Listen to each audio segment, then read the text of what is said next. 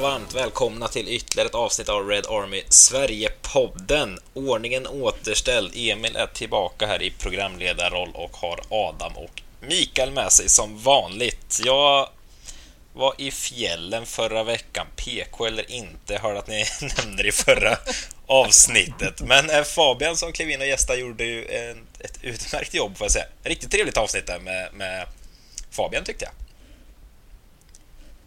Ja, det var jättebra. Det var jättekul.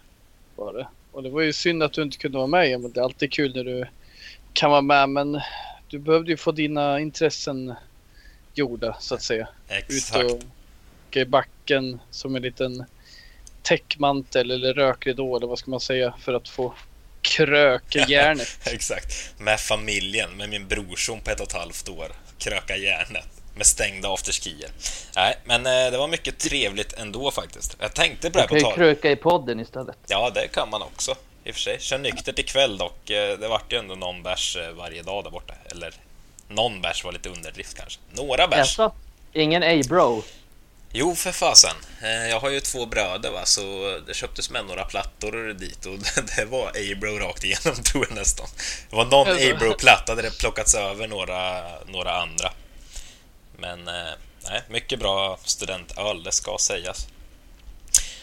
Men eh, sen eh, såg man ju på två eh, United-matcher också eh, under min resa.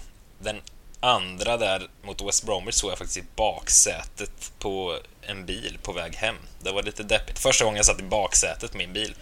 Jag vill inte göra igen efter den upplevelsen. Eh, på både hur jag, jag satt och vad jag såg. Igen. Nej, eh, exakt. Men eh, vi kan ju börja med att bara avhandla att vi mötte även West Ham i FA-cupen i veckan. Eh, vilka vi slog efter förlängning. Jag knappt att jag minns den här matchen. Jag satt i en stuga och såg den. Men eh, McTominay gjorde väl mål i 97 minuten eller något sånt. Eh, vilket gjorde att vi är vidare till kvartsfinal i FA-cupen. Och det är väl det är väl positivt i alla fall, eller vad, vad landar ni Ja, det var en lättglömd match i alla fall. Det var inte heller så mycket att snacka hem om. Ja, men det är väl det jag säger om den. Det är positivt. Gick vidare. Mm. Ja, resultatet var man ju nöjd med. Men... Uh, avancemang i kuppen. Uh, men det känns som man, man är liksom... Man är inte skitnöjd. Uh, oavsett om vi vinner eller förlorar nu den senaste tiden. Det, det spelar oavgjort. Vi liksom är så dålig form så Mm. Den här West Ham-matchen vinner vi ju. Eh, rättvis kan vi säga för West Ham går ju fan inte för segern.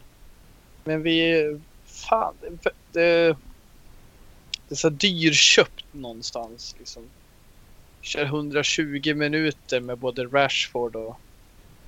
Eh, nu kommer jag inte ihåg exakt alla. Men eh, det var väl fan Cavani var väl en av dem. Liksom en spelare som man inte ska köra på för mycket i onödan liksom. Uh, Fred Maguire, han kan ju bara köra 90 eller 120. Så det är ju lite dassigt liksom. Men det var fan skönt att gå vidare i FA-cupen. Det är ju en av de, det är, det är ju titelchansen vi har i uh, den här våren. Ja, det är vår största titelchans. Ja, nej, jag hade faktiskt bakat in lite i min lilla agenda jag brukar försöka följa här när vi kör, vilket jag aldrig lyckas med. Men jag hade faktiskt skrivit lite frågetecken efter att vi är vidare i FA-cupen. Det är väl bra? Frå frågetecken. Självklart är det bra, det förstår jag med, men vi kan väva in här West Bromwich-matchen igår där 1-1 på bortaplan. Eh, och alltså då har jag skrivit som första fråga det här med liksom, alltså tappar vi kraft i ligan på grund av kuppspelet tror ni? Som ni, det var du Adam som var inne på det här nyss, Maguire spelar ju allt verkligen. Alltså är det hållbart? Det är klart det kommer lite halvdassa insatser lite då och då eh, om man spelar precis hela tiden. Det går ju inte. Så det, det där vi får fram liksom eh, eh, kostar det i ligan att vi tar oss vidare i kupperna tror ni? Jag tror inte det påverkar honom. Jag tror inte att... Eh, eh ja, men jag tror det kanske påverkar många andra. Vi ser att... Fan vet jag att Edinson Cavani som vi många vill ha från start för att han, är, han har levererat så bra. Att honom påverkar ju såklart. Det är ju frågan om han ska spela många 90 minuter matcher. Nu har han kört 120 och så körde han ju länge mot West Bromwich liksom. Eh, det tror jag påverkar. Men Maguire, jag tror han är, hans kropp är dimensionerad för att köra 90 minuters matcher så här. Eh, Lindelös med. Däremot är inte Bailly, Jones, Rojos det. Eh, så jag är inte orolig dugg där i det avseendet. Sen är jag orolig för att Lindelöf och Maguire tycks hata varandra. Eh, men eh, inte orolig att han spelar mycket matcher. Eh, Solskjaer har själv sagt att han vill spela. Nej, men, nej, men, han har sagt att han blir inte skadad. Han gör inte illa sig. Och, eh, han tacklar ju väldigt sällan. Det är väl därför också kanske. Han är, han är ja. Men om vi släpper Maguire då. Eh, vi är tidigare i, i podden här bland annat och överallt känns det som, har vi ändå pratat om att truppbredden blivit så mycket bättre till den här säsongen i United och det står ju jag i alla fall fast vid fortfarande att det är betydligt bättre bredd än förra året såklart när liksom Pereira var startande spelare i mångt och mycket.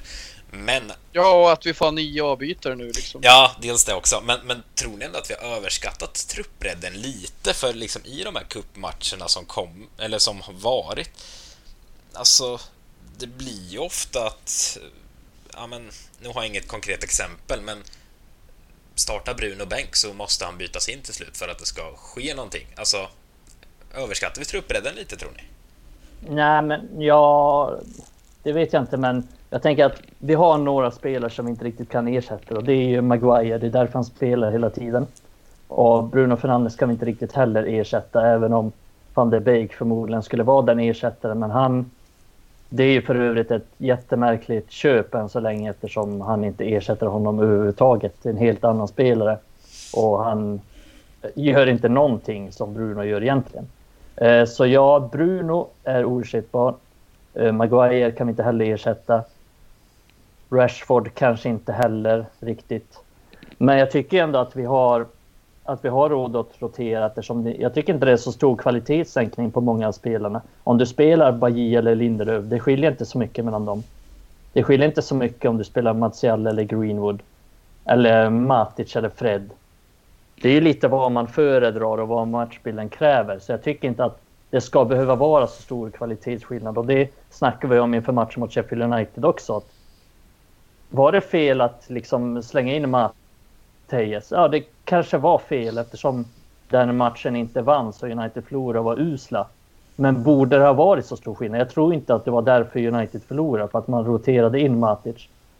Eh, och därför tror jag, tycker jag inte heller att, att det borde vara så stor skillnad. Men samtidigt, United är ju... Nu har jag ingen statistik så här i huvudet på det, men jag tror att United är ett av de lagen som roterar allra mest. Så det är helt klart att kontinuiteten har blivit lidande i många matcher. Och det tycker jag vi kan se ibland. Jag vet inte om det är bara för kontinuiteten, men det är ju någonting som inte stämmer i det här laget. För jag tycker att det är extremt få spelare som har något bra samspel med varandra. Det känns ibland som att Martial spelar med, med Rashford. Och man får känslan liksom att har ni ens någonsin tränat ihop? Och jag sa det för någon podd sen också att har Lindelöf och Maguire, har de ens snackat med varandra någon gång i hela sitt liv? Och de spelar tillsammans rätt ofta, men det känns aldrig som att de, de har något samarbete. Så det är, tycker det är sådana saker som brister och det är beklagligt, såklart.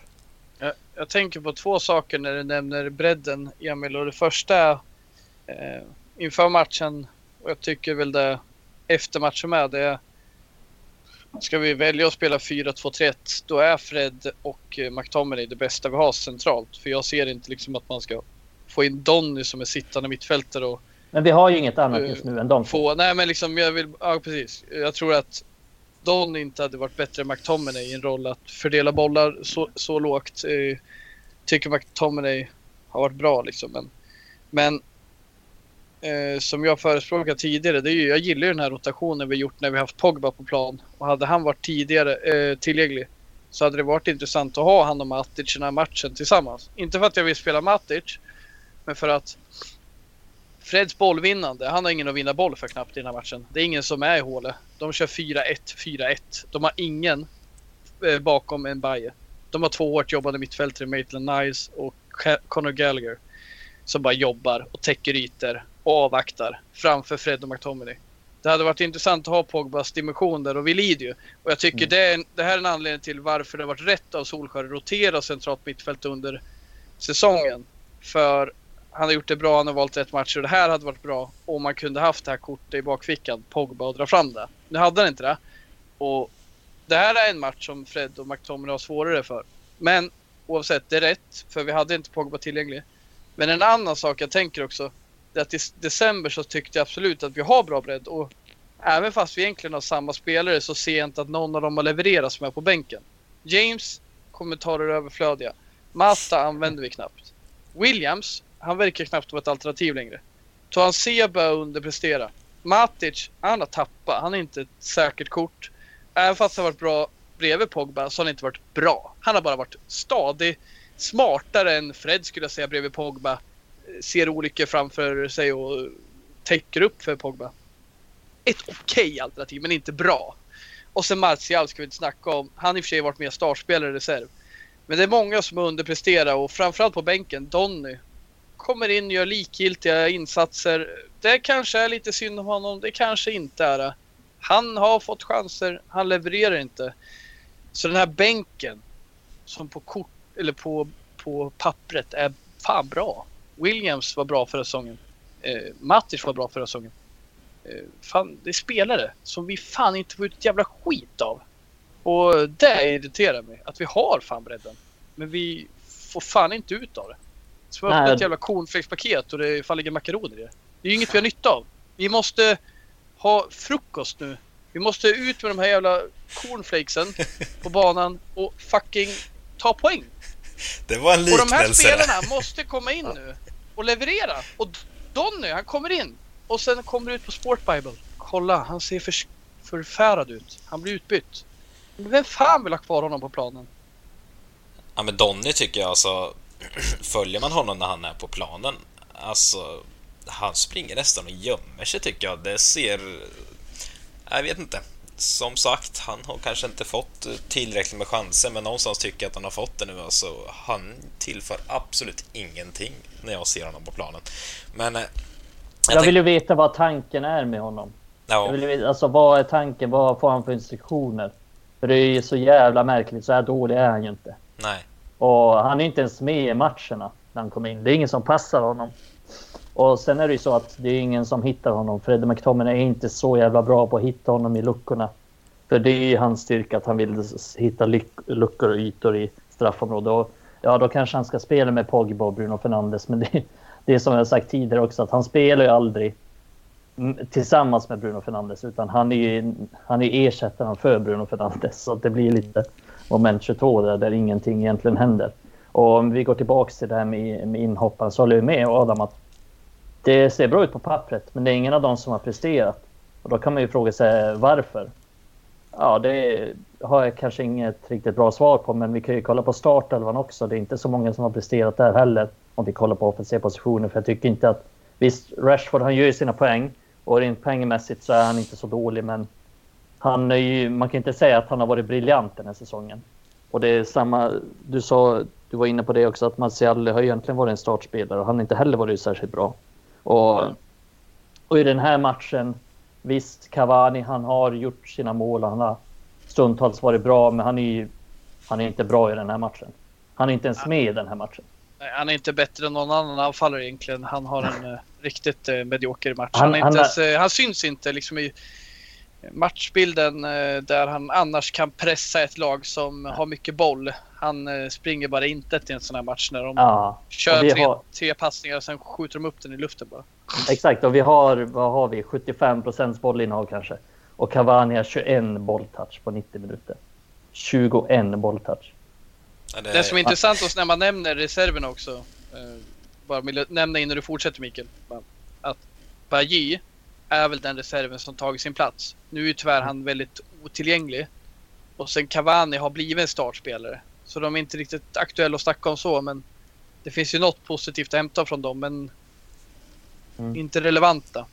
Eh, så är det. Intressant att nämna med Cavani för eh, fan, det är en sån här match man tänker att ja, men vi, det kan vara 0-0 länge och sen kommer det in en förlupen boll och han bara pangar in den liksom. Det är ju det man vill ha i honom men Problemet Jag kan, ty- jag kan att... tycka så här att vi, vi skapar ändå några halvchanser där han ska med sin höjd sätta dem. Det, det är där man ser hans värde liksom. Inte för att han fick asmycket att jobba på men jag trodde ändå att han skulle panga dit någonting den här matchen. Ja, men han fick ju inte mycket att jobba med. Det kan man inte säga. Nej men det är väl så det är med riktigt bra anfallare. De ska inte behöva ha så mycket att jobba med. Men nej men så är det han, han har, Vi har ju några skott som rensas på mållinjen. Då. Men nej, det är ju fan sjukt vad lite vi skapar alltså. Och jag tycker sådana här som AVB som varit bra på sistone. Han, han är ju tillbaka i, i grävlingsgryte liksom. Och slår såna jävla sorkdödare. Det var skrämmande, skrämmande dåligt igår tyckte jag. Men eh, bara för att knyta ihop det med truppbredden. Jag satt och tänkte på det alltså igår att det, det var, såg ju riktigt uselt ut. Offensiven fanns ju verkligen inte. Eh, han byter ut Martial mot Greenwood i 66 minuten. Och sen byter han ut Fred mot van Beek som jag inte tycker är någon, eh, något jättehot i dagsläget som vi är överens om. Eh, det var de bytena vi gjorde igår. Och då liksom, jag gick in igår efter matchen och kollade vad hade vi egentligen på bänken? Varför gör vi inte mer? Men alltså när jag sitter och kollar igenom bänken här, vad ska han göra? Det finns inte ett enda potentiellt byte i min bok att göra.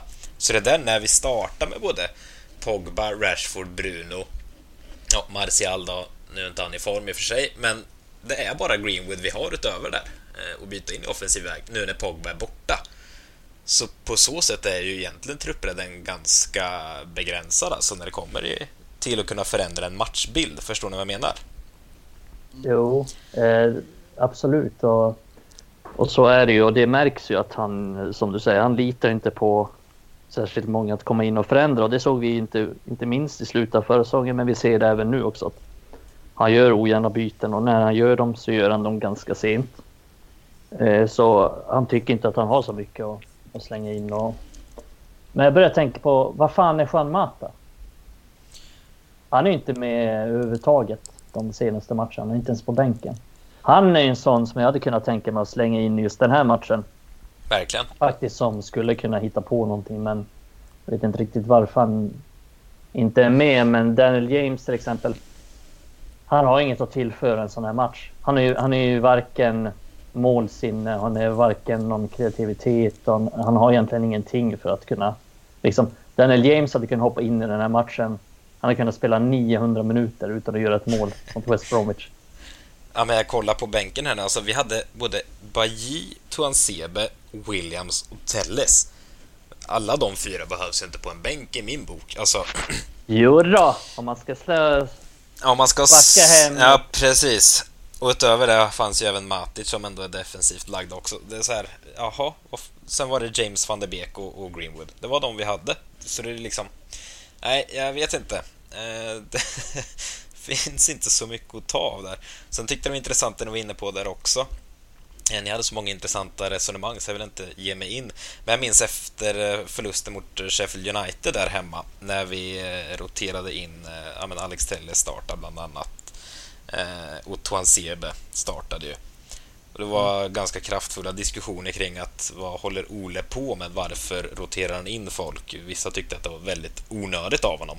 Men igår startade han egentligen med alltså ordinarie 11 får man väl ändå kalla det.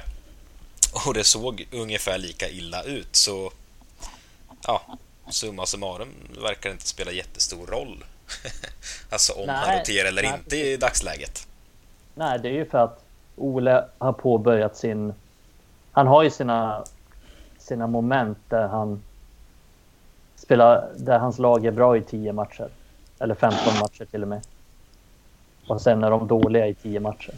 Och nu verkar vi ha kommit in i den här dåliga perioden för United har bara vunnit en av de fem senaste i ligan. Ja, och vad är det som förändrar där Mikael? Vad är det som liksom är vändpunkten där? Nej, men alltså det var ju den Sheffield United-matchen. Det var ju där det började liksom. Ja, precis. Och jag Och- tror väl att, liksom att det, är, det är ju tillfälligheter. Det är små tillfälligheter. Innan de matcherna så hade vi marginalerna med oss. Vi hade kanske lite flyt som vann mot Fulham. Fick tre poäng. Vi hade kanske lite flyt att vi vann mot Aston Villa. För det hade lika gärna kunnat bli oavgjort i de matcherna. Mm. Om vi ser till Bajis eh, liksom sista tackling mot Aston Villa och Jo, men jag tänker bara framöver. Alltså, jag fattar vad du menar. att- att- För Mm. vi hade ju inte en grym form när vi var med Sheffield. United. Vi hade det resultatmässigt, men det var lite... Men så här, vi bara komma till. Det krävs ju. Solskjaer får sån jävla ax liksom över sig. Alltså en yxa som är på väg att hugga halsen av honom. Sen levereras det ju. Det har varit så tydligt de senaste säsongerna att när det liksom är som mest kritiskt för honom, då vänder det. Och han börjar leverera ett tag. Det är typ som, det är någon motivationsgrej där för spelarna. Eh, och Ja. då tänker jag liksom, förlorar vi nu mot eh, nästa match då vi kommer in sämre. Får, gör en kass insats då, för nu börjar det grymtas. Men då kommer det vara galet vad folk tappar hoppet liksom. Och då gissningsvis så kommer man igång igen. Eh, Det är ju så tydligt med de här långa streakerna. Som man gör jävligt bra, men de här bottenappen är ju så jävla djupa också. Ja, men det är så konstigt för att ta till exempel matchen mot Everton. Där tycker jag att United är genomgående ganska bra genom hela matchen. Jag tycker faktiskt att hur många riktigt bra matcher har United gjort den här säsongen? Vad är det? Fyra? Fyra stycken kanske? Ja, det är Alltså de så här riktigt bra insatser. Nej, men det är liksom så här 9-0 mot Southampton, 6-2 mot Leeds, 5-0 mot Leipzig. Kanske någon till match där United har varit riktigt, riktigt bra och spelat ut motståndarna. Men annars har det inte varit så superbra. Så jag tänker så här, den här 3-3 matchen mot Everton, det är en, tycker jag, en av de bästa insatserna eh, som inte har gjort rent spelmässigt. Men sen är det ju alltid att, jag tror att det var Gary Neville som sa det att United är bara bra i perioder av matcherna. Du vet, så här, man är bra i en kvart och sen är man dåliga i 20 minuter. Och sen händer ingenting i 10 minuter. Sen är man svinbra i 10 minuter igen. Sen är man dålig i 10 minuter.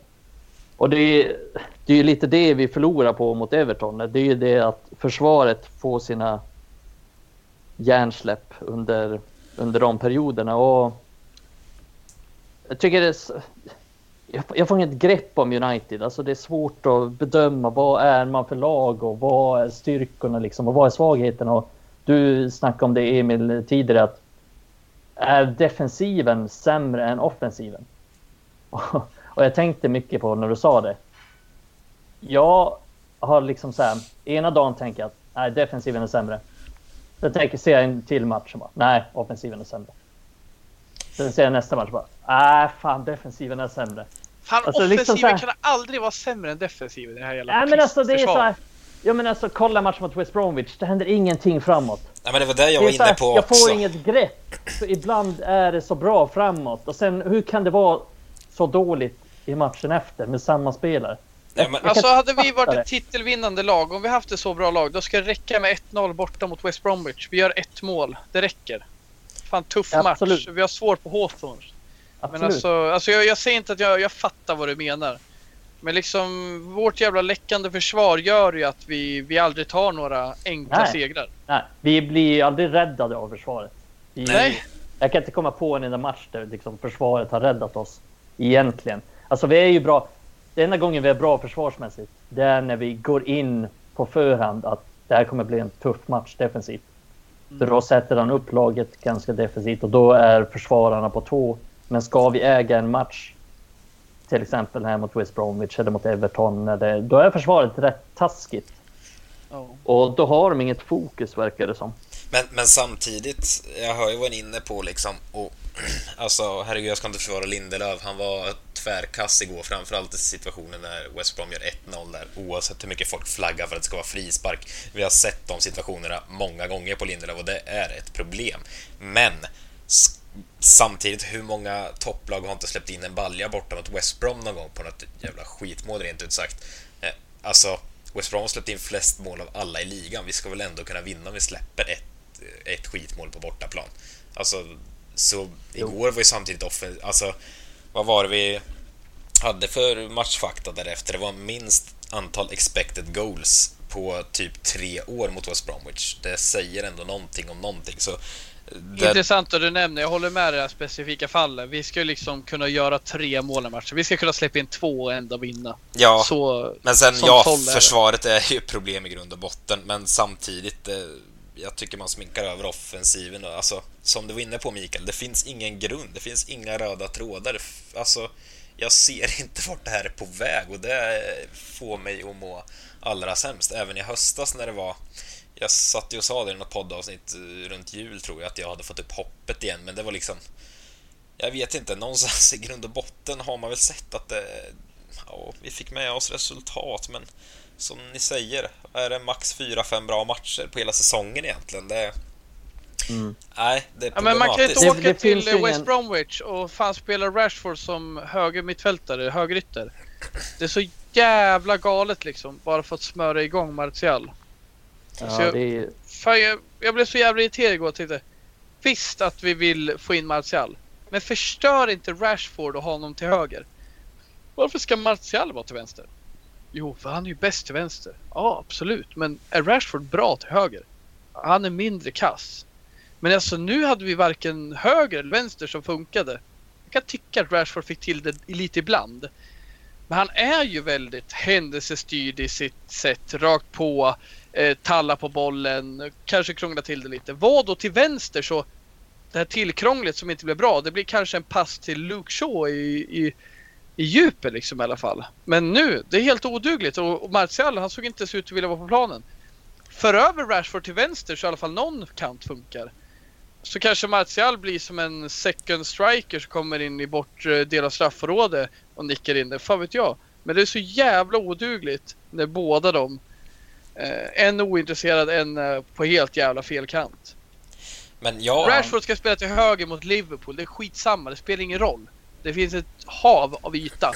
Men mot Rashford, han, eller mot Rashford och sen mot West Bromwich ser så jävla dåligt ut. När han är till höger.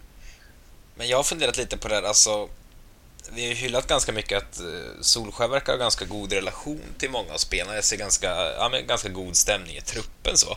Men jag har sista tiden har börjat fundera lite på ändå att alltså behandlingen av vissa spelare, alltså han måste sänka dem. Till exempel Greenwood.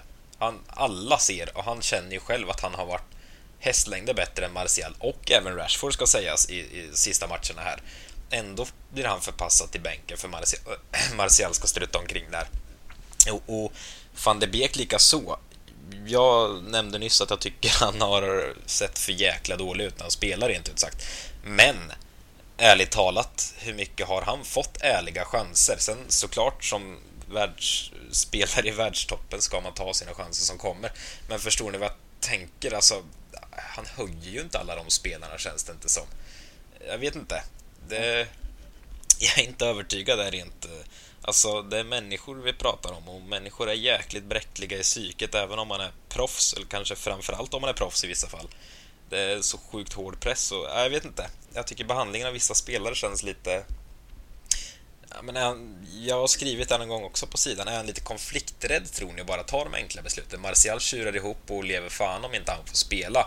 Tror ni att han får spela lite då Greenwood sätter sig snällt och är tyst som en skolpojke? Alltså, fan han spelade ju Pereira hela förra säsongen så man kan ju inte säga att han tar enkla beslut. Det enkla hade ju varit att köra Alexis Sanchez eller Romelu Lukaku varje match för att de har höga löneanspråk och men varför spelar han då Martial nu? jag vill ja, säga, för att han med, tror men... på honom. Han gjorde 17 mål förra säsongen och han är en eh, duktig spelare liksom. Men eh, allt har ju sin tid och det kommer väl ta ett tag då då Ole bara liksom eh, Fan Martial, synd att du var kass idag igen. Han bara käften liksom. Och sen får han nog. Det går ju till en gräns. Han har ju gett, han, det fina med han, det tycker jag att han ger ju alla chansen oavsett om du är usel som Pereira eller Dalot. Eller om du har världens talang som Martial så ger han alla chansen. Sen är du liksom bräcklig, lite såhär bara Phil Jones, då har man lite fan eh, snålt med speltid. Så jag tycker absolut han ger dem chansen och möjligheterna. Däremot så känner jag typ, jag kan tycka att Baji borde få fler chanser ur ett filosofiskt perspektiv som mittback. För det är, lätt, det är svårare och bygga relation med en annan mittback om du bara får hoppa in då och då och få en rättvis bedömning. Men van de Beek, eh, Martial, jag tycker de, de har fått mycket chanser. Greenwood kan jag tycka att han hoppar in för sent och lite för sällan.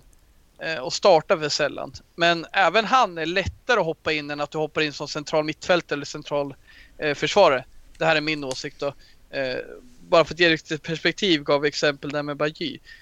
Eh, van de Beek han är fan let it rain Donny. Gör vad du vill.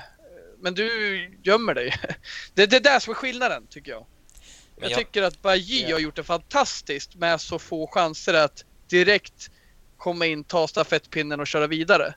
Eh, till skillnad från Donny som jag tycker han- absolut att han har fått tillräckligt med chanser. Han får starta typ varenda cupmatch. Och eh, ja, men, vi köpte in honom för att höja vår leverans och bredda den men jag tycker inte han har visat någonting. Sen har inte jag dömt ut han än. Men jag tycker inte synd om han liksom som vissa gör. Nej, men alltså um, det är en svår fråga att svara på. Jag, jag skulle säga att jag tycker att han kan ta lite enkla beslut, men jag tycker att han... Det är som Adam säger också, att han ger chansen till spelare, men jag tycker snarare att han ger chansen till dem han tycker om och dem han litar på. Han ger chansen till Andreas Pereira mycket för att han såg någonting i Pereira som han... Ja, som ingen annan såg, men som han såg. Men och samma gör med, med Martial och samma kan väl tycka jag att det är lite med de Gea. Jag kan tycka att han tar ett litet enkelt beslut där och att han, han är ganska godtrogen, kanske är rätt ord. Där han tänker att ja, men det, det kommer lösa sig för att de Gea är bra i grunden. Han kommer bli bra om jag bara fortsätter spela honom. Martial är bra i grunden. Han gjorde många mål förra säsongen. Det kommer bli bra om jag fortsätter spela honom. Det känns inte riktigt som att det är jävligt konstigt, han är tränare för Manchester United och har en hel tränarstab framför sig. Men det känns inte som att han har någon riktig idé med det. Förstår ni vad jag menar? Alltså att han spelar dem och så hoppas han på att de ska börja leverera. Vilket de inte har gjort, istället för att ta beslut. Ja, Det men som, tycker jag är lite konstigt faktiskt. ja, och som ni säger att han ser en potential i Martial och, och han har levererat förr och så. Ja. Absolut, det köper jag, men när motbudet är Mason Greenwood som kanske är den största talangen vi har i truppen och han står och knackar på och han presterar bättre. För mig är det helt obegripligt att sätta den killen på bänken då, som dessutom är yngre, mer bräcklig. Alltså, det är en spelare man Han är måste fan höja. inte med. Han är fan inte med. Nej, nej, kanske jag, inte på jag sätt och vis. jag, jag håller inte med er, men i Greenwood-fallet så tycker jag också det är väldigt besynnerligt. För precis som att han kan få igång Martial och få guld om han får fram hans eh, kvaliteter så är Greenwood en sån. Eh, sen kan jag ge ett en annat exempel. Liksom, han vågar sätta Pogba på bänken för fan vet du vad? Du är som ett jävla fartyg på centralt mittfält. Jag tar in McTominay. Han kan i alla fall eh, röra sig sidleds. Eh, Det är fan inget lätt alltså att peta undan. Han är ingen Pellegrino liksom som gör alla nöjda. Pellegrini kanske han heter. Nej, men, men där, där, eh, där jag håller med. dig 100% till Greenwood liksom. Ja, men What tycker jag du har rätt, fuck, Hur Adam. kan du lägga äggen i Martial-korgen gång på gång på gång? Men sen sitter Mason där. Mason är vår framtid. Martial är tvärtom. Ja, Förlåt, nej, men- alltså Martial kanske ska vara en reserv i vårt lag och jag har inget problem med att ha honom där för han har fantastiska egenskaper. Men han kommer inte ta oss till toppen som central forward. Han har inte de egenskaperna. Har Greenwood det? Kanske inte, men han är fan i vår framtid. Ja, jag, Det tror jag. jag. Jag tycker du har ganska rätt i det du säger. Såklart har han gjort, alltså, ja, men bara som att skeppa iväg Alexis och Lukaku och våga peta Pogba och så, då har du helt rätt i att det, det krävs lite bollar för att få uttrycka sig så för att göra det. Men jag tänker liksom truppen i övrigt också. Alltså behandlingen av ja, men en sån som Daniel James. Vi är överens allihopa om att han inte ska spela. Men liksom, när, han är ändå en offensivt lagd spelare. Man utnyttjar inte ens alla tre byten i en match som igår mot West Brom när man är totalkassa. Ändå får inte han chansen. Va, alltså, varför har man med den killen på bänken överhuvudtaget då? Han måste bli totalt sänkt. Alltså, Brandon Williams, han var, han var jättefin förra säsongen. Jag har knappt sett honom spela i år. Jag vet inte om det har hänt något bakom kulisserna där som jag har missat alltså, men han måste också kunna bli lite sänkt och liksom aldrig få chansen. Jag, alltså Matic, visst han är som ett gammalt fartyg när han vänder på, på planen nu för tiden, men det är också eh, passerat 30-strecket eh, liksom och alltså är på väg ut för i karriären. Men hur nöjd är en sån kille att sitta och nöta bänk? Jag vet inte, jag får för mig att det kan smitta av sig hela truppen liksom. Tävlar de här gubbarna på träning? Liksom, får de det? Alltså, James, han måste ju känna sig helt... Han kommer inte få spela. Varför ska han gå och slita järnet på träning? Fan, Alltså- hänvisar till Mikaels svar där förut. Alltså, Mikael sa det. James kan spela 900 minuter utan mot West Brom. Han har sagt tidigare Leeds. Ja, men varför, varför, James. varför är han Men på som bänken? du säger? Emil, varför i helvete är han på bänken om Ja. man inte ens tänker använda honom? Det är klart som fan han ska Han inte ha någon annan. alternativ. Nej men det är fan bättre att köra ut McFeelan liksom i fri roll bakom eh, Solskär. Nej men alltså, eh, skämt åsido. Det, det kanske inte finns någon annan. Men Mikael, det måste väl fan finnas någon från ungdomsleden som kan göra något bättre. Och det är klart, hur ser det ut mot James? Men ska jag vara så grov så ska jag fan vara glad att han är spelare i den här klubben som det ser ut nu. Och jag är förvånad att vi inte lånar ut honom för han fyller ingen funktion. Han är bra mot Leeds. Han är bra kanske mot eh, eh Liverpool eh, som en injektion. Eh, men det är väldigt få matcher där vi har nytta av han. Och där vi Tre- inte tre kan ha in en 50 annan matcher. bättre spelare. Jag har alla gånger in en Martial före James till exempel. Nej, Det är 3 av 50 matcher han kan vara nyttig i. Jag håller med. Det är, sen är han ju ingen spelare som... Han håller inte den klassen som krävs för United tycker jag. Och Får man ett bra bud från Leeds till exempel så tycker jag att man måste sälja honom på en gång. För att jag ska inte se hur han fyller en funktion nu. Jag kan inte se hur han någonsin kommer fylla en funktion under Ole. För att jag, jag kan ju se, jag, jag fattar ju varför Leeds vill ha honom. För att Bielsa ser honom som en taktisk pusselbit som man kan använda i, i sitt lag. Men jag kan inte se hur liksom, Ole Gunnar Solskjaer ska använda en spelare som inte har de individuella kvaliteterna. Om ni förstår vad jag menar. För att alla United-spelare, och det är samma med Donny van de Beek, det är därför jag tycker att det är en konstig värvning. För alla de spelarna han har framåt i United, det är spelare med individuella kvaliteter som kan få någonting att hända ur ingenting. Martial en som spelar, Greenwood en som spelar, Rashford en som spelar, Bruno Fernandes en som spelar. Alla de är sådana spelare. De kan göra ett mål ur ingenting och de behöver inte... De behöver inget sånt system för att kunna för att kunna producera någonting. Och Daniel James, det är som jag sa, han skulle kunna spela 5-10 matcher mot West Bromwich. Han skulle aldrig göra ett mål under de förutsättningar som finns för att han har inte den han har inte den klassen i sig, han har inte den kreativiteten i sig. Och det är samma med Donny van de Beek. Han gör ingenting själv. Han tar inte bollen och dribblar tre pers och skjuter från 30 meter. Det gör han inte.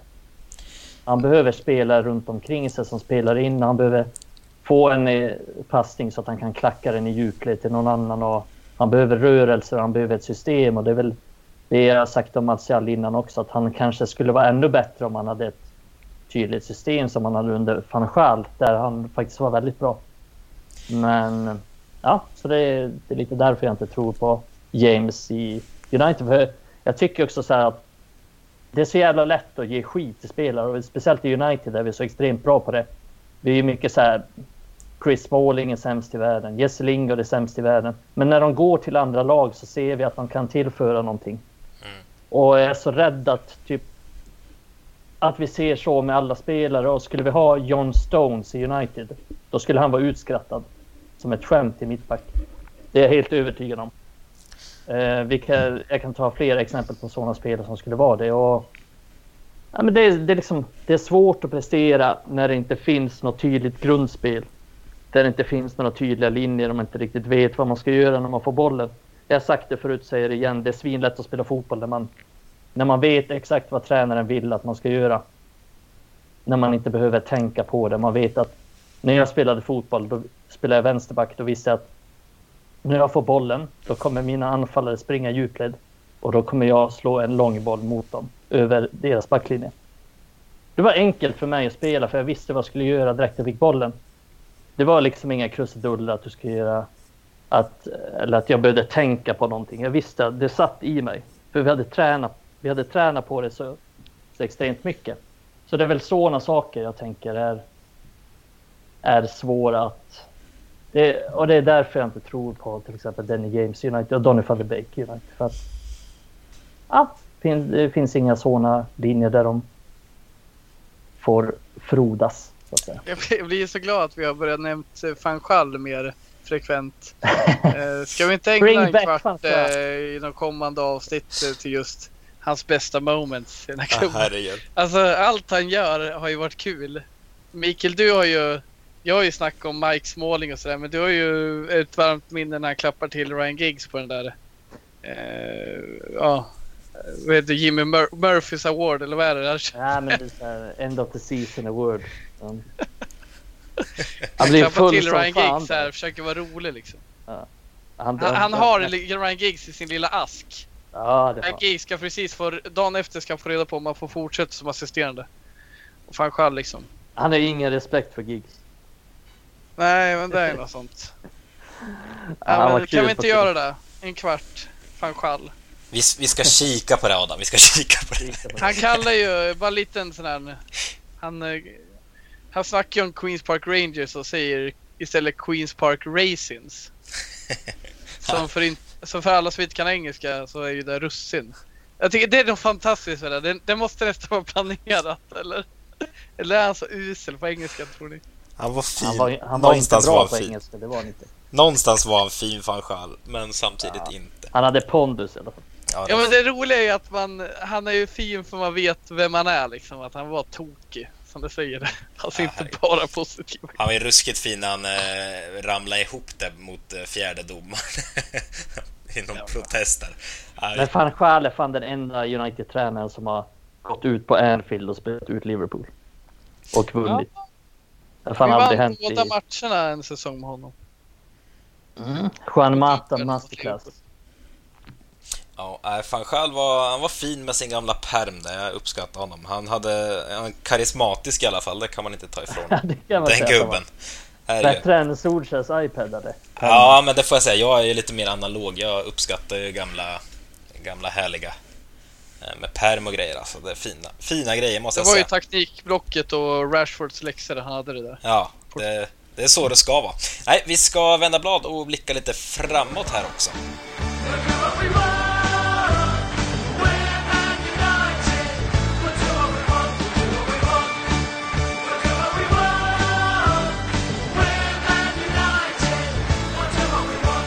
Ja, då ska vi kika lite framåt här också. Eh, närmast ska vi till Turin på torsdag.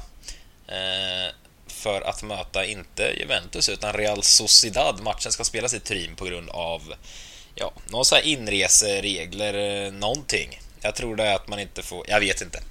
Någonstans, Jada, jada, jada. någonstans får man inte resa på grund av Corona eller komma in i sitt eget land igen. Eh, Så vi ska möta Real Sociedad i eh, Europa League-slutspelet. Vet vet ni vad det är? Vad är det? 32-delsfinal eller vad jobbar vi? Det där skulle du ha kollat upp redan. Nej Ja. men det är väl... eh, Det är ju 16-delsfinal, 16-delsfinal. Ja. Är det det? Ja, Jag var tvungen att, jag tror att det är 16 det är jag fan inte säker. Nu ska jag sitta och kolla det här. Ja, 16 del var det. Det är Så jävla intresserad är jag av den turneringen. Ja, lite så. Det, det var typ min nästa fråga faktiskt. Liksom, hur, tacklar vi Europa League? Vad... Ja, Ja, ja, man lär inte få gåshud när de knallar ut på Juventus Stadium inför tomma läktare i Europa Leagues 16-delsfinal. Det, det får man nog inte. sitter Europa League-hymnen i bakhuvudet eller? Ingen aning om hur den går. De har ju plockat fram någon sån för att likna Champions League lite, men eh, nej, jag har den inte här nu heller. Det deppiga är ju dock att man kommer känna igen den när den väl dyker på där på torsdag för att United har lirat en del Europa League de sista åren. Men eh, efter den matchen så har vi Newcastle i ligan på söndag på hemmaplan. Men eh, om, om man eh, väger FA-cupen kontra Europa League då, då är vi rörande överens om att FA-cupen är roligare att vinna, eller hur känner ni? Alltså, ja absolut. Min personliga värdering av turneringen är ju liksom att är det någon vi ska vinna som känns som det betyder mycket för spelarna eh, och Solskär så är det ju FA-cupen. Jag tror ändå om han tittar tillbaka på sin karriär och vunnit FA-cupen Manchester United, det är fan stort. Eh, vinna Europa League, det är inte litet, men det är liksom ingen värdemätare. För Ferguson vann aldrig Europa League, för han behövde inte vinna Europa League. Det fanns annat. Men FA-cupen, fan vi har en stolt historia där. Alltså det är svårt att säga, jag har ju respekt för alla som vill vinna Europa League, men jag personligen tycker det är waste. Jag tycker vi kan... Åker vi ut redan första omgången så är det ett problem för mig. Eh, alltså första gången vi deltar. Eh, kan vi däremot spela in ungdomarna, göra bra resultat och gå vidare så, men det är en annan femma för då finns det en investering där att få seniortid till många talangfulla spelare som eh, Diallo, Ahmad, Hannibal. Ja, vad fan finns det mer? Det finns spelare som liksom behöver få spela. Mikael Karabram. Men, Men, men, sen. men, kommer alltså, vi, få se det då? vi, Jag vill bara fuck Nej. er liksom. Jag tycker det är skittråkigt uh, att kolla på. Men vi men kommer, kommer det inte vara så att vi får det är ju se? ett roligt motstånd. Ja, Det är där. intressant det Ja, där. det är det. Jag tror vi behöver ställa upp ett bra lag om vi ska ha chans mot dem. För det är inget Mm. dussingäng. De tog fan hela jävla La Liga med storm eh, i höstas innan eh, jag har svårt för att uttala namn på baskiska spelare. Men deras vänsterytter som heter Oyar Sabal Men det tror jag en sant. jävla jävel på kanten. Eh, men eh, kort och gott. Jag tycker vi behöver vila spelare. Vi behöver rotera. Men jag tror fan inte det räcker mot eh, San Sebastians eh, stolthet. Jag tror inte heller jag tror vi åker ut mot dem. Men tro, Eh. tror ni vi kommer få se några sexiga spelare om jag får uttrycka mig så?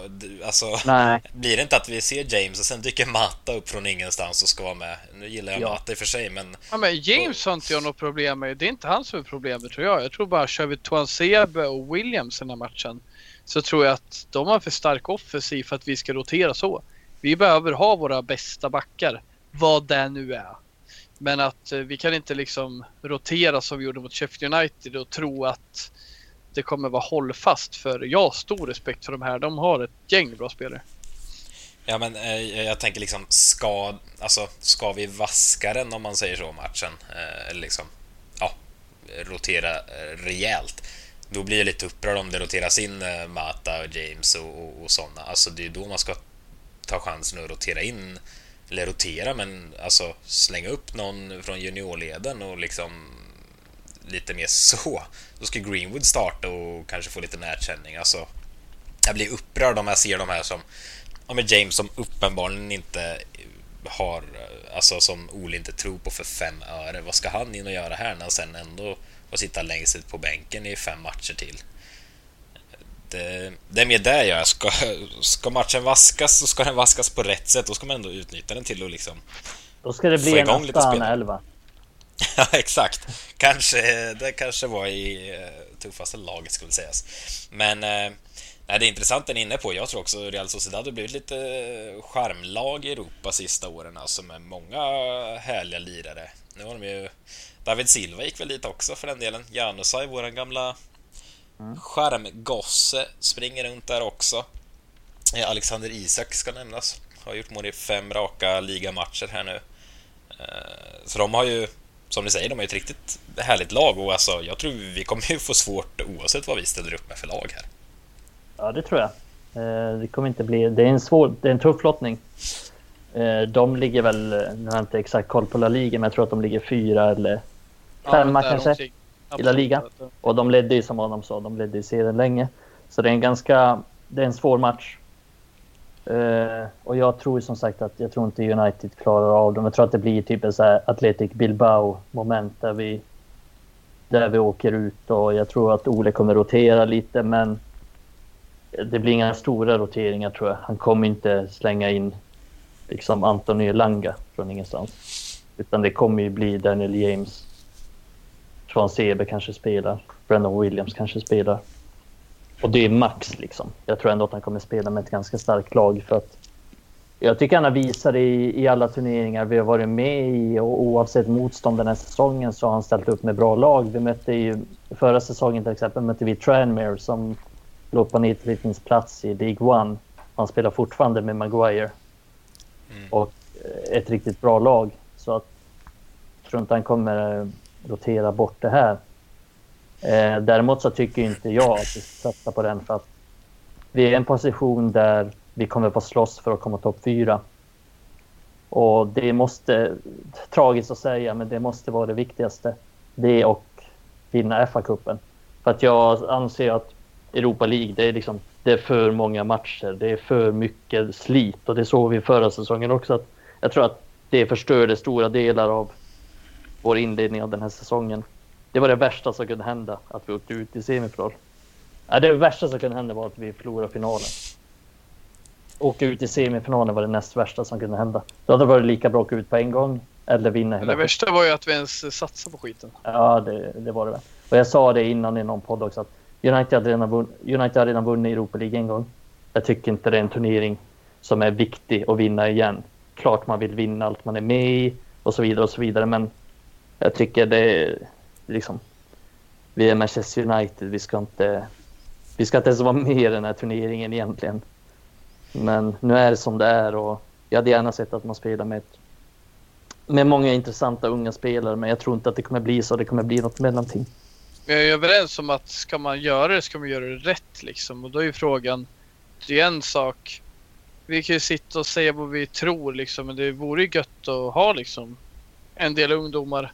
Och det kanske inte är så lätt med regleringar och grejer med ungdomar och sådär. Eh, med Corona, fan vet jag. Men Ja, det går det vore ju gött att se två spelare i alla fall komma in som har tränat med A-laget och som Ja, men känns liksom- nära, typ som Hannibal liksom. Ja, men Hannibal tränar ju redan med A-laget så att Exakt, han kan ju inte ha så långt bort. nej, men jag tror inte att han kommer få spela ändå. Det, sen är ju frågan hur mycket det kommer ge. Alltså, säg att vi spelar med Hannibal och tre, fyra till unga spelare och sen komplettera med Brandon Williams som också är en ung spelare och Tuan Sebe. Frågan är hur mycket det ger när vi förlorar med 3-0 på Juventus Stadium då. Jag vet inte, men det är ju, man får ju finna sig och få, få till någon slags balans. Det hade ju faktiskt varit intressant att se ett, ett ganska bra lag med additionen av typ Hannibal. Det var det jag tänkte komma in på just det. Att just slänga in en eller två liksom ihop med många andra. För att liksom få se dem på riktigt så. För som du nämnde den matchen mot Astana när det bara var ett rent juniorlag. Det är liksom... Herregud, det går inte att säga någonting. Det är ingen som klarar av att prestera på så sätt. då. Men liksom får man en miljö med många bra spelare runt sig, etablerade A-lagsspelare, då blir det en helt annan sak. Så det vore väldigt kul. Och det tycker jag vi har sett väldigt, väldigt lite från Solskär sedan han kom in, eller? Alltså, det är sällan man får se unga lirare i kupperna så heller, tycker jag. Nej, inte den här säsongen. Ingenting. Och Nej. inget egentligen i slutet av förra säsongen heller. Eh, vad fan heter det? Lask heter de så? Jo. Eh, stämmer. När vi, när, när vi mötte dem, vi väl med 5-0 på bortaplan men spelade inte med ett särskilt svagt lag i returen ändå. Och visst, då var det väl covid som värst liksom när det kom och allt var osäkert kring det. Men ändå, han har inte, han har inte gett dem så många chanser i oavsett motstånd, oavsett turnering. Så jag tror inte att han kommer göra det nu heller. Men visst, jag håller med. Det hade varit intressant att se en eller två liksom och slänga in dem i ett riktigt bra lag. För även om jag inte tycker att de är liksom helt redo för att gå in så, så hade det varit kul att se åtminstone.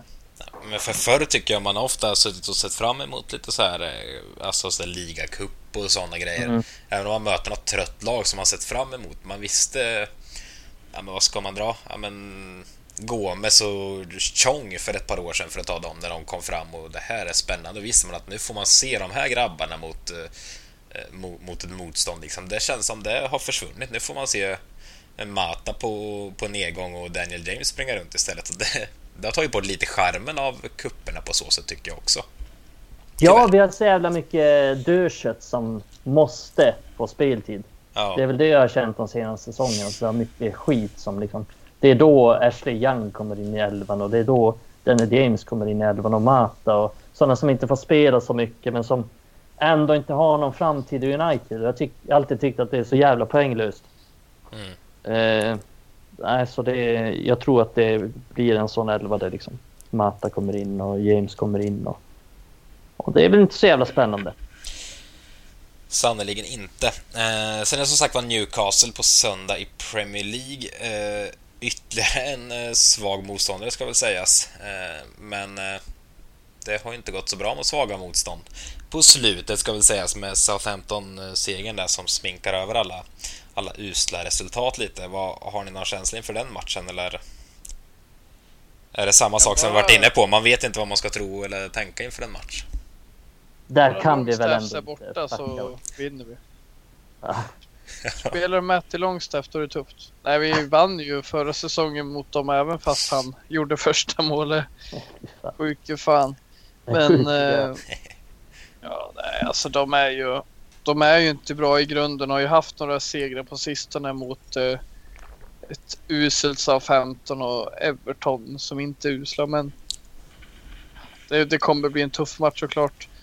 Eh, Alla matcher är tuffa. Ja, Vilken klyscha, men det är ju så. Det, det är en klyscha Ja. som du sa Mikael, men tyvärr så stämmer den i... Ja, men fan jag sa ju det i förra podden tror jag. Att in, inför den här matchen mot West Bromwich att det är ing, finns inga enkla matcher för United och den här kommer inte bli enkel heller. Och lite rätt fick jag ju. Ja. Jag tänker på att det blev 1-1. Ja, Nej men alltså Newcastle, jag känner ändå att... Vänta fan, jag har för sig inte sett dem så mycket den här säsongen men det är ju... Det har varit en bra säsong för mig. Jag har knappt sett Newcastle och Steve Bruce lag. Men jag får ju lite känslan och min bild när jag sett dem är att de är varken särskilt bra defensivt eller offensivt. De är liksom ingenting. De står inte för någonting och de är ingenting. Och jag känner mig inte så orolig för den. För West Bromwich kan jag ändå se att Big Sam liksom... Big Sam säger vad man vill, men han har... West Bromwich har ändå fått till resultat. Både... Fan, både mot Liverpool och City.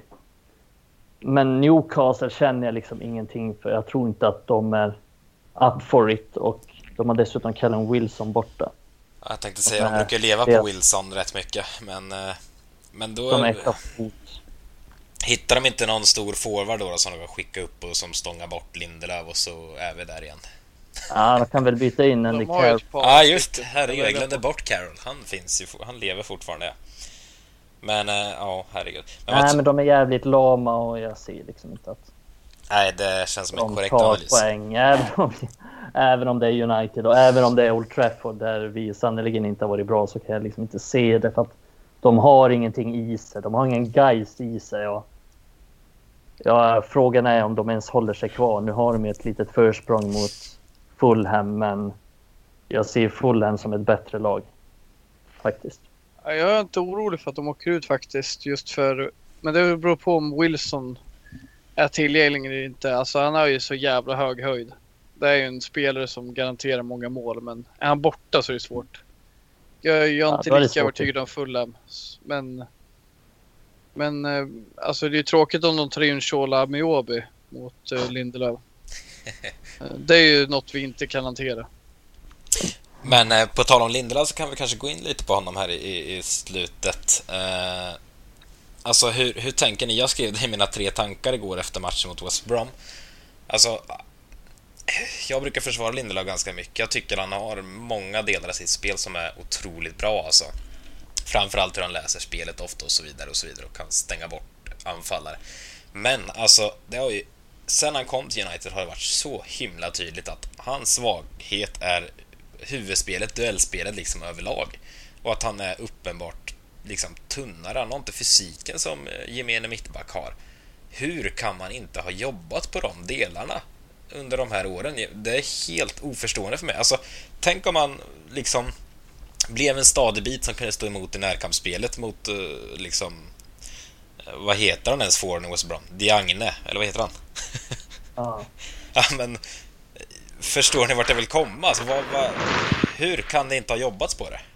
Han, är, han är den enda mittbacken i det hela engelska ligasystemet som förlorade den duellen. Ja, men i princip alltså. Men hur... Alltså går han till gymmet? Det är kanske en taskig fråga rent ut så. Han kanske inte har möjlighet att bygga mer muskler och så vidare, men... Nej, de har för dåliga förutsättningar att bygga i, i Manchester United. De har inget gym eller någonting. Nej, precis. Nej, men det, det... Jag tycker det... Alltså det är uppseendeväckande. Det är märkligt alltså. Att det inte blir Ja. bättre. Men min bild är där ändå att han har, han har så bra kvaliteter på andra fronter att det spelar ingen roll om han utvecklar sitt fysiska tillstånd eller inte så kommer han alltid tillbaka till startelvan. För vi är alla överens om att hans, eh, en av hans styrkor är ju att hans tillgänglighet. Och är du tillgänglig, frisk och levererar en bra nivå då kommer du alltid komma tillbaka till startelvan när du har Småling, Jones, eh, Rojo och Bajy som konkurrenter. Och eh, som det ser ut idag har varken Maguire eller Lindelöf en rättmätig konkurrent som kan peta dem. För Bajy kan göra det temporärt. Men om man inte skadar sig själv eller hamnar i en olycka med en bil eller något så är han borta. Det är ju den sorgliga historien med Bajy. Och Lindelöf, jag tror fan han har suttit liksom indirekt på, i frysboxen hos Mourinho. Men sen har han flugit tillbaka för vad fan. det är inte grönare gräs på José, eller vad säger jag, på Jones sida eller på Bajis sida. Baji har bättre egenskaper i mångt och mycket men han är en ännu osäkrare spelare. Alltså Lindelöf vill säga, jag tycker inte han är osäker spelare. Han är lite för säker istället, lite för safe i sitt spel. Men Jones... Lite för mesig. Ja men Jones Rockford, de är skadade hela tiden så även eh, Mourinho har ju kommit tillbaka med honom men han har inte varit nöjd alla gånger. Jag nämnde igår i gruppen liksom, det spelar ingen roll om du heter David, David McGoldrick, eh, Diagne eller fucking Lauren Dupatre som spelar i Huddersfield. Så kan du liksom eh, göra Lindelöf till åtlöje på en fotbollsplan. När du är en stor jävla luns. Jag vill inte veta vad Grant Holt hade gjort på hans tid. Hans eh, tvilling för övrigt. Men alltså det, är- alltså det är hans nackdel och fan vi hade en rätt rolig diskussion om det i gruppen. Det går bra. Mergem hade bra tankar där om att jag tycker också Lindelöf har enorma styrkor som ingen har i vårt lag. Och därför, som Oliver, en annan skribent, nämner, är han en fantastisk tillgång i Italien och Spanien. Och jag tror han är en tillgång i Premier League med. Jag tror vi kan nytta av honom. Men i vissa matcher så blir han ett byte. Och Big Sam pekade åt Bayern Diagne. Håll käften nu, lyssna bara. Du ska kolla på Lindelöf. Håll dig borta från den där jävla potato head där borta. Maguire ska du inte vara nära. Gå på Lindelöf. Ser de vart din yta är, kommer bollen där. Och Lindelöf hade ingen chans. Det ska vara frispark. Men Lindelöf ska stå på fötterna. Han ska fan inte vika ner sig där. Men det är klart. Har vi så stora spelare, då är det tufft för en spelare som inte går till gymmet uppenbarligen. Han är ju inte stark. Och han behöver inte vara i alla matcher. Men mot West Bromwich då, då kommer det vara tuffa spelare. Alltså Charlie Austin, skitsamma med det. Det är bitiga spelare som kommer in. De har ju Ja. han Kenneth Soore på eh, lån hos Millwall. Det är bara jävla lunsar. Alla ser ut att kunna provspela till en roll i Jönssonligan. Det är så. Det är fan. Lindelöf klarar inte det. Nej, och jag tycker det är jävligt problematiskt för att eh, han är en alibi-spelare för mig, en alibi-mittback. På det sättet att han är väldigt avvaktande och han gillar inte duellspel och han, han vill helst avvakta och han vill inte göra bort sig så mycket. Han vill inte ta beslut helst. Och jag tycker man kan inte ha en sån mittback. I, Alex Ferguson sa alltid att som mittback i United ska du vinna din duell. Du ska vinna din eh, duell en mot en. Och du, man ska kunna flytta upp många spelare och man ska kunna stå högt upp med backlinjen och så ska mittbacken vinna sin duell. Och det gäller, tycker jag, både i straffområdet men också högre upp. Eh, och de färdigheterna tycker jag inte Lindelöf har, varken i straffområdet eller liksom i djupled mot Calvert Lewin eller någon sån. Han, jag tycker inte, han vinner inga dueller överhuvudtaget på det sättet. Eh, och det tycker jag är ett stort problem för en mittback i Manchester United ska göra det. Jag tycker varken han eller Maguire har, alltså de har båda sina svagheter där de blir... Nej men alltså att lag kan göra som Big Sam gjorde nu, att de kan säga att ja men gå, ta duellen, gå mot Lindelöf.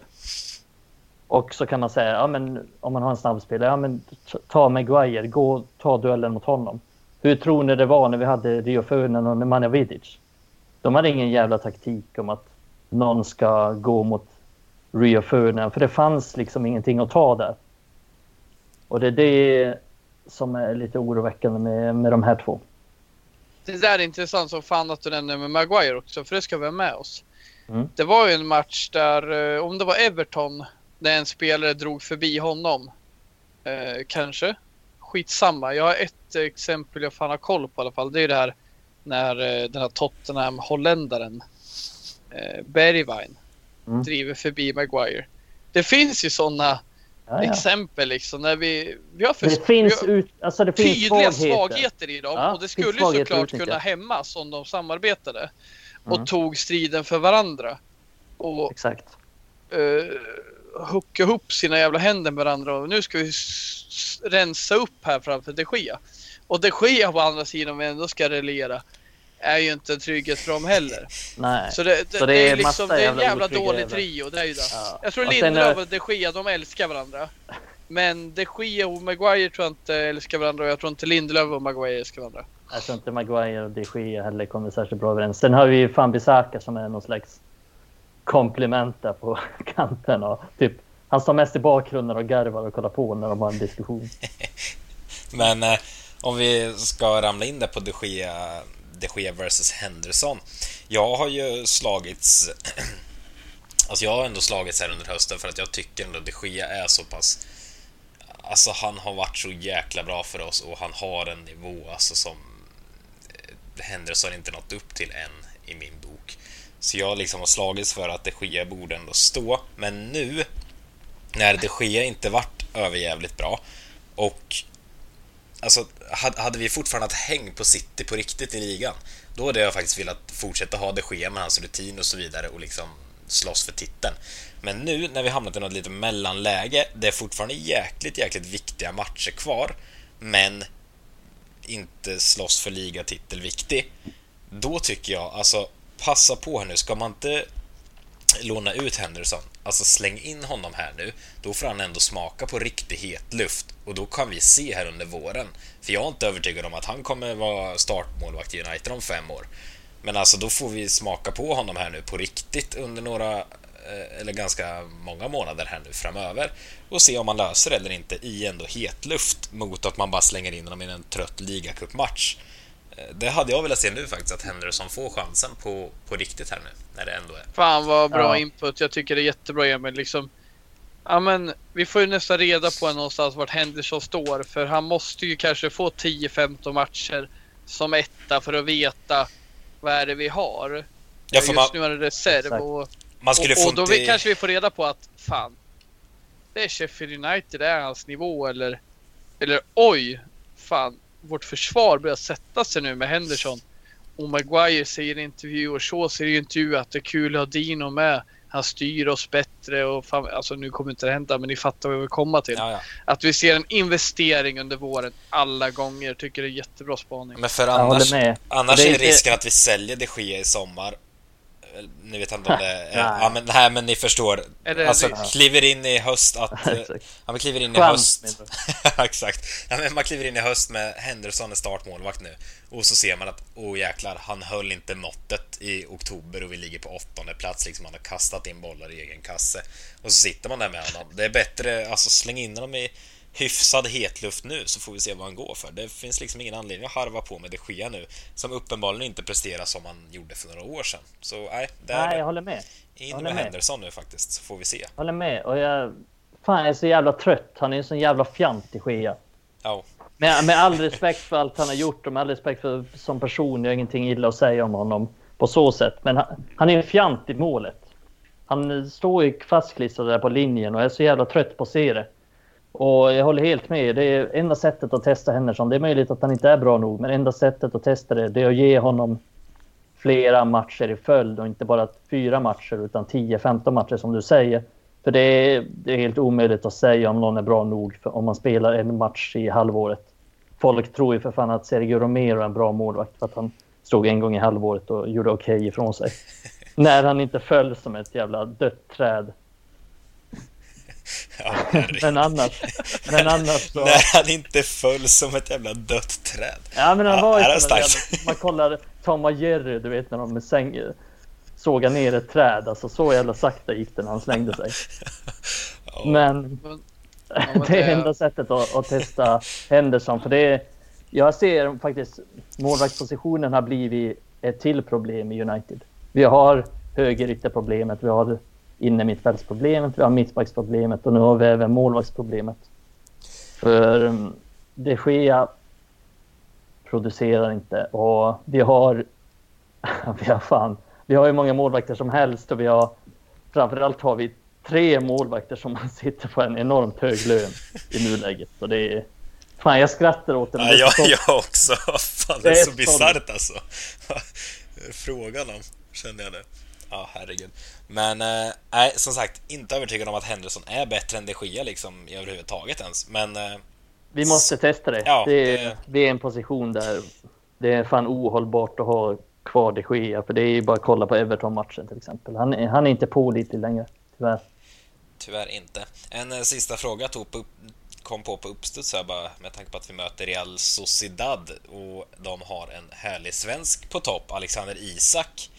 Eh, han har ju levererat rätt duktigt här nu sista, sista veckorna faktiskt för Sociedad med fem, eller mål i fem raka ligamatcher.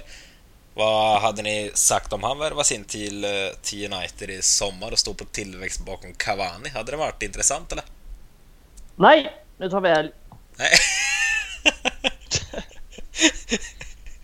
Nej, jag, jag har fan svårt att gå igång på det. Alltså det är klart det är kul att ha en svensk i och sådär men eh, jag tror han kommer bli en eh, ja, fan, en bra spelare liksom i Spanien eller England. Men jag tror inte han kommer hålla den nivå som tar oss dit vi ska. Eh, det gör jag inte.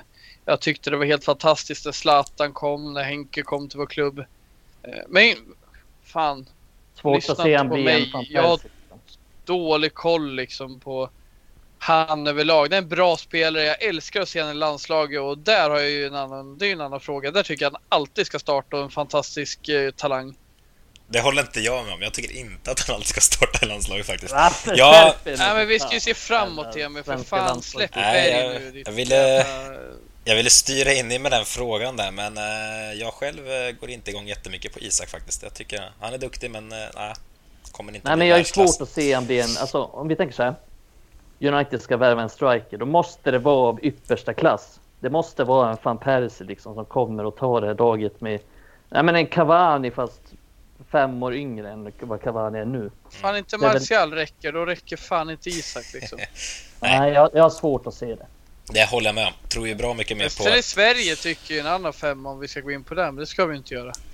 Men det är ju för fan trött på att se Berg där uppe. Det är en bra spelare, men vi måste ha högre ambitioner för att utveckla oss. Ja, men där har vi. Zlatan i sommar under EM, så det är lugnt nu. Ja, och Marcus Hallbäck ska göra comeback också. Det hade varit fint. Niklas Skog ska upp där med. Ja, och Mattias Asper i sina jävla gabbar röv, Niklas Skog. Vad sa du att han var? Världens största röv. Alltså? Sen går det ju rykten om också att eh, Tom Prahl ska komma in som senior advisor. Men han kommer bara jobba mellan eh, 14 och 16 på vardagar när hans ögon öppnas. Det där spårar ur Emil. Ja, vi, vi tar ett bryt på den så eh, hörs vi eh, nästa gång vi hörs helt enkelt. Ha det gott! Hej!